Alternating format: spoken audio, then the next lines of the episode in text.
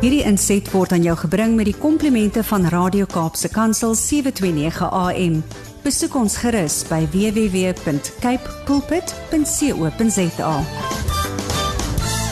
Now we know what hemelbesem actually means. It refers to somebody who's very tall, and I'm very pleased to say I have a hemelbesem on the other side of the line with me. It's Johnny Yay. Lowe. Môre Johnny Lowe, hoe gaan dit daar? Ja, dit kom in Engels 'n hemelbesem. Uh uh, 'n hemelbroem. Ja, Heavenbroom. O, oh, Johnny, maar hoorie, ek dink nou aan Johnny toe ons het nou gepraat oor Brad het nou hierdie woord uitgeruk. Ek weet nie hoekom hy vandag in 'n bolle makiesie dink nie, maar hy wou geweet het wat is die ontstaan daarvan, want hy sê dis 'n woord wat almal ken of jy nou Engels of Afrikaans of wat se taal is, min of meer meeste mense gaan weet wat 'n bolle makiesie, maar nou dink ek weer met jou danspassies Johnny Lou, jy jy dalk het jou dans daar begin, né? Die inspirasie ja. daarvoor. Ja nee, nee, ek het nou nie bolle makkies gedoen in my dansbesigheid nie, maar ek wil aan vir jou sê ek het 'n paar keer geval dat ek voel ek 'n bolle makkies het. Jy? Want Ah. want dan moet die die vrou die vrou met haar hand uitsteek dat as ek gedraai het en ek moet haar gryp of Ja. ek gryp haar dan dan uh, dan gryp julle mekaar mis en dan val jy dan val jy lekker. Verstaan jy?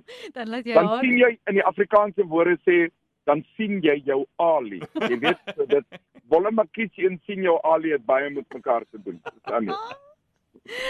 Hoorie, maar te beide ons nou so lekker lag. Ons sê ons besef ook weer vandag net elke dag is mens so dankbaar voor. Ehm um, mens weet nie wat die dag van môre gaan bring nie en ons is dankbaar dat jy ook vandag met ons gesels. Johnny, wat wil jy graag met ons deel? Mm. Weet jy wat uh, Brady, ek was mos op die golftrip gewees die ja, ek naweek. onthou nou.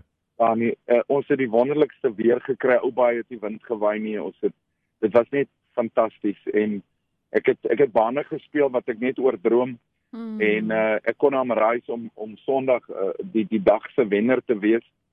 Ehm um, maar in die aande is dit lekker tyd wat jy saam met jou boetie spandeer. Ons haal 'n bietjie ons voete uit die sand uit en ons sit en gesels. En een van die manne sê vir my, hy sê vir my, "Jonna, ek dink die Here is vir my kwaad. Hy straf my want uh, ek gaan deur 'n baie baie moeilike tyd." En hy praat van trials and tribulations en hy praat van jy weet van goeters wat swaar kry.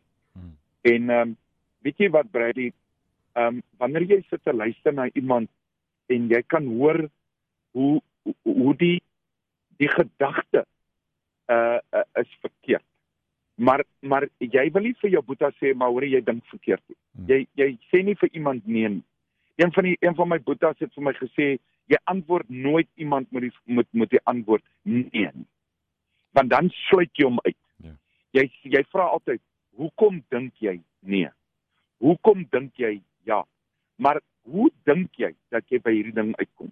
En toe my boetie nou lekker met my sit te gesels, toe kom ek agter dat hy hy sien die negatiewe en hy's so lank in die negatiewe vasgevang dat die negatiewe het vir hom 'n normaal geraak. Hmm. Brad dink gou gedaan.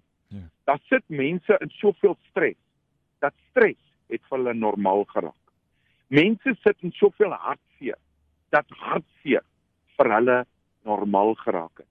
Maar dit is nie die normaal nie. Mm. Ek onthou jare terug toe ek deur baie baie moeilike tye in my lewe gegaan het, het ek ook so gedink want dit het my normaal geraak.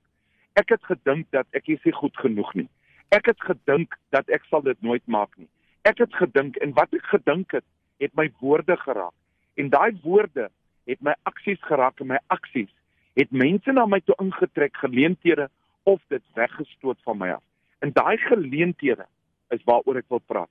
Mm. In plaas van om te sê daar is 'n trial and tribulation voor my of daar is 'n obstacle voor my, het die Here vir my geleer om te sê, Jonna, daar's 'n challenge voor jou. Daar is 'n geleentheid voor jou. Daar is 'n opportunity voor jou.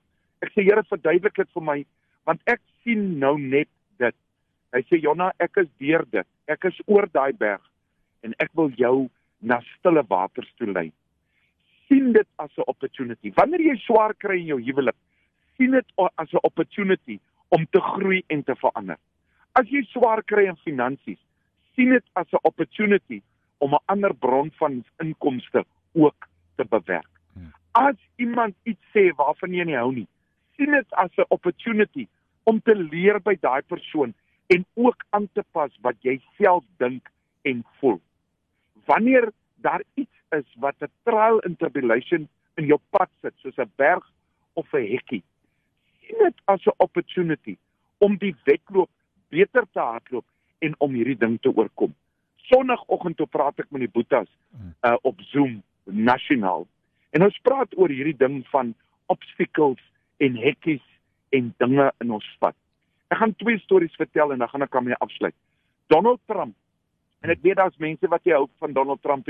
Ek hou ook altyd elke dag van hom.